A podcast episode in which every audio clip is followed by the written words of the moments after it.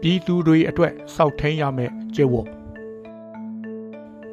စစ်အာဏာသိမ်းမှုကြောင့်တနင်္သာရီတိုင်းမှာပဋိပက္ခတွေတိုက်ပွဲတွေဖြစ်ပေါ်နေပါတယ်တနင်္သာရီတိုင်းမှာစစ်အာဏာရှင်ကိုလက်နက်ဆွဲကင်တော်လှန်နေတဲ့တပ်ဖွဲ့တွေအများအပြားရှိနေပါတယ်အမျိုးသားညီညွတ်ရေးအစိုးရ NUG ကထုတ်ပြန်ထားတဲ့စစ်တီတော်ကျင့်ဝတ်တွေထဲကပြည်သူတွေနဲ့ထိတွေ့ရမှာလိုက်နာရမယ့်ကျင့်ဝတ်တွေကိုဖော်ပြပေးလိုက်ပါတယ် အယက်သားပြည်သူများအားကာကွယ်စောင့်ရှောက်ရမည်အယက်သားပြည်သူပိုင်းဥစ္စာပစ္စည်းများကို ထိပါခြင်းမပြုရအယက်သားပြည်သူများအားချင်းချောက်ခြင်းပြစ်မှတ်ထားတိုက်ခိုက်ခြင်းမပြုရစာတင်ကြောင်းဆေးရုံဘာသာရေးအဆောက်အအုံယဉ်ကျေးမှုဆိုင်ရာအထိမ်းအမှတ်နေရာများနှင့်အယက်သားပြည်သူများစုဝေးသွားလာလှုပ်ရှားသောနေရာများအားပြစ်မှတ်ထားတိုက်ခိုက်ခြင်းမပြုရ လူနာတင်ရင်များကျမ်းမာရေးစောင့်ရှောက်မှုပေးသောနေရာများရှေးဦးသူနာပြုများနှင့်ကျမ်းမာရေးစောင့်ရှောက်ကုသမှုပေးသူများလူမှုကယ်ဆယ်ရေးအသင်းအဖွဲ့များအားပြစ်မှတ်ထားတိုက်ခိုက်ခြင်းမပြုရ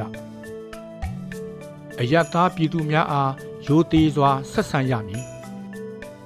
အယက်သားပြည်သူများအပေါ်မောက်မာရိုင်းပြခြင်းစော်ကားခြင်းအနိုင်ကျင့်နှိပ်စက်ခြင်းမူးယစ်ရန်ကားခြင်းမပြုရ အရေးပေါ်လိုအပ်ချက်အရာအယက်သားပြည်သူပိုင်းပစ္စည်းဥစ္စာများကို အသုံးပြုရပါက ကာလတန်ဖိုးအတိုင်းပေးချေရမည်အမျိုးသမီးများလိန်စိတ်ကွဲပြားသူများအားရုပ်ပိုင်းဆိုင်ရာစိတ်ပိုင်းဆိုင်ရာလိန်ပိုင်းဆိုင်ရာထိပါနှောက်ယှက်ခြင်းမပြုရအယက်သားများအားတစခန်သို့မဟုတ်လူသားတိုင်းအဖြစ်အသုံးပြုခြင်းမပြုရကလေးတငယ်များ မတန်ဆွမ်းသူများ အမျိုးသမီးများတက်ကြီးရွယ်အိုများစသည့်ထိရှလွယ်အုပ်စုများ vulnerable group အားအထူးကာကွယ်စောင့်ရှောက်ပြီးလိုအပ်သည့်အကူအညီများပေးရမည်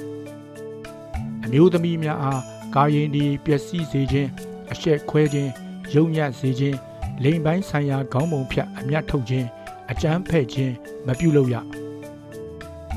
အရွယ်မရောက်သေးသောကလေးများအား လိမ်ပိုင်းဆိုင်ရာထိတွေ့ဆက်ဆံခြင်းအကြမ်းဖက်ခြင်းမပြုလုပ်ရ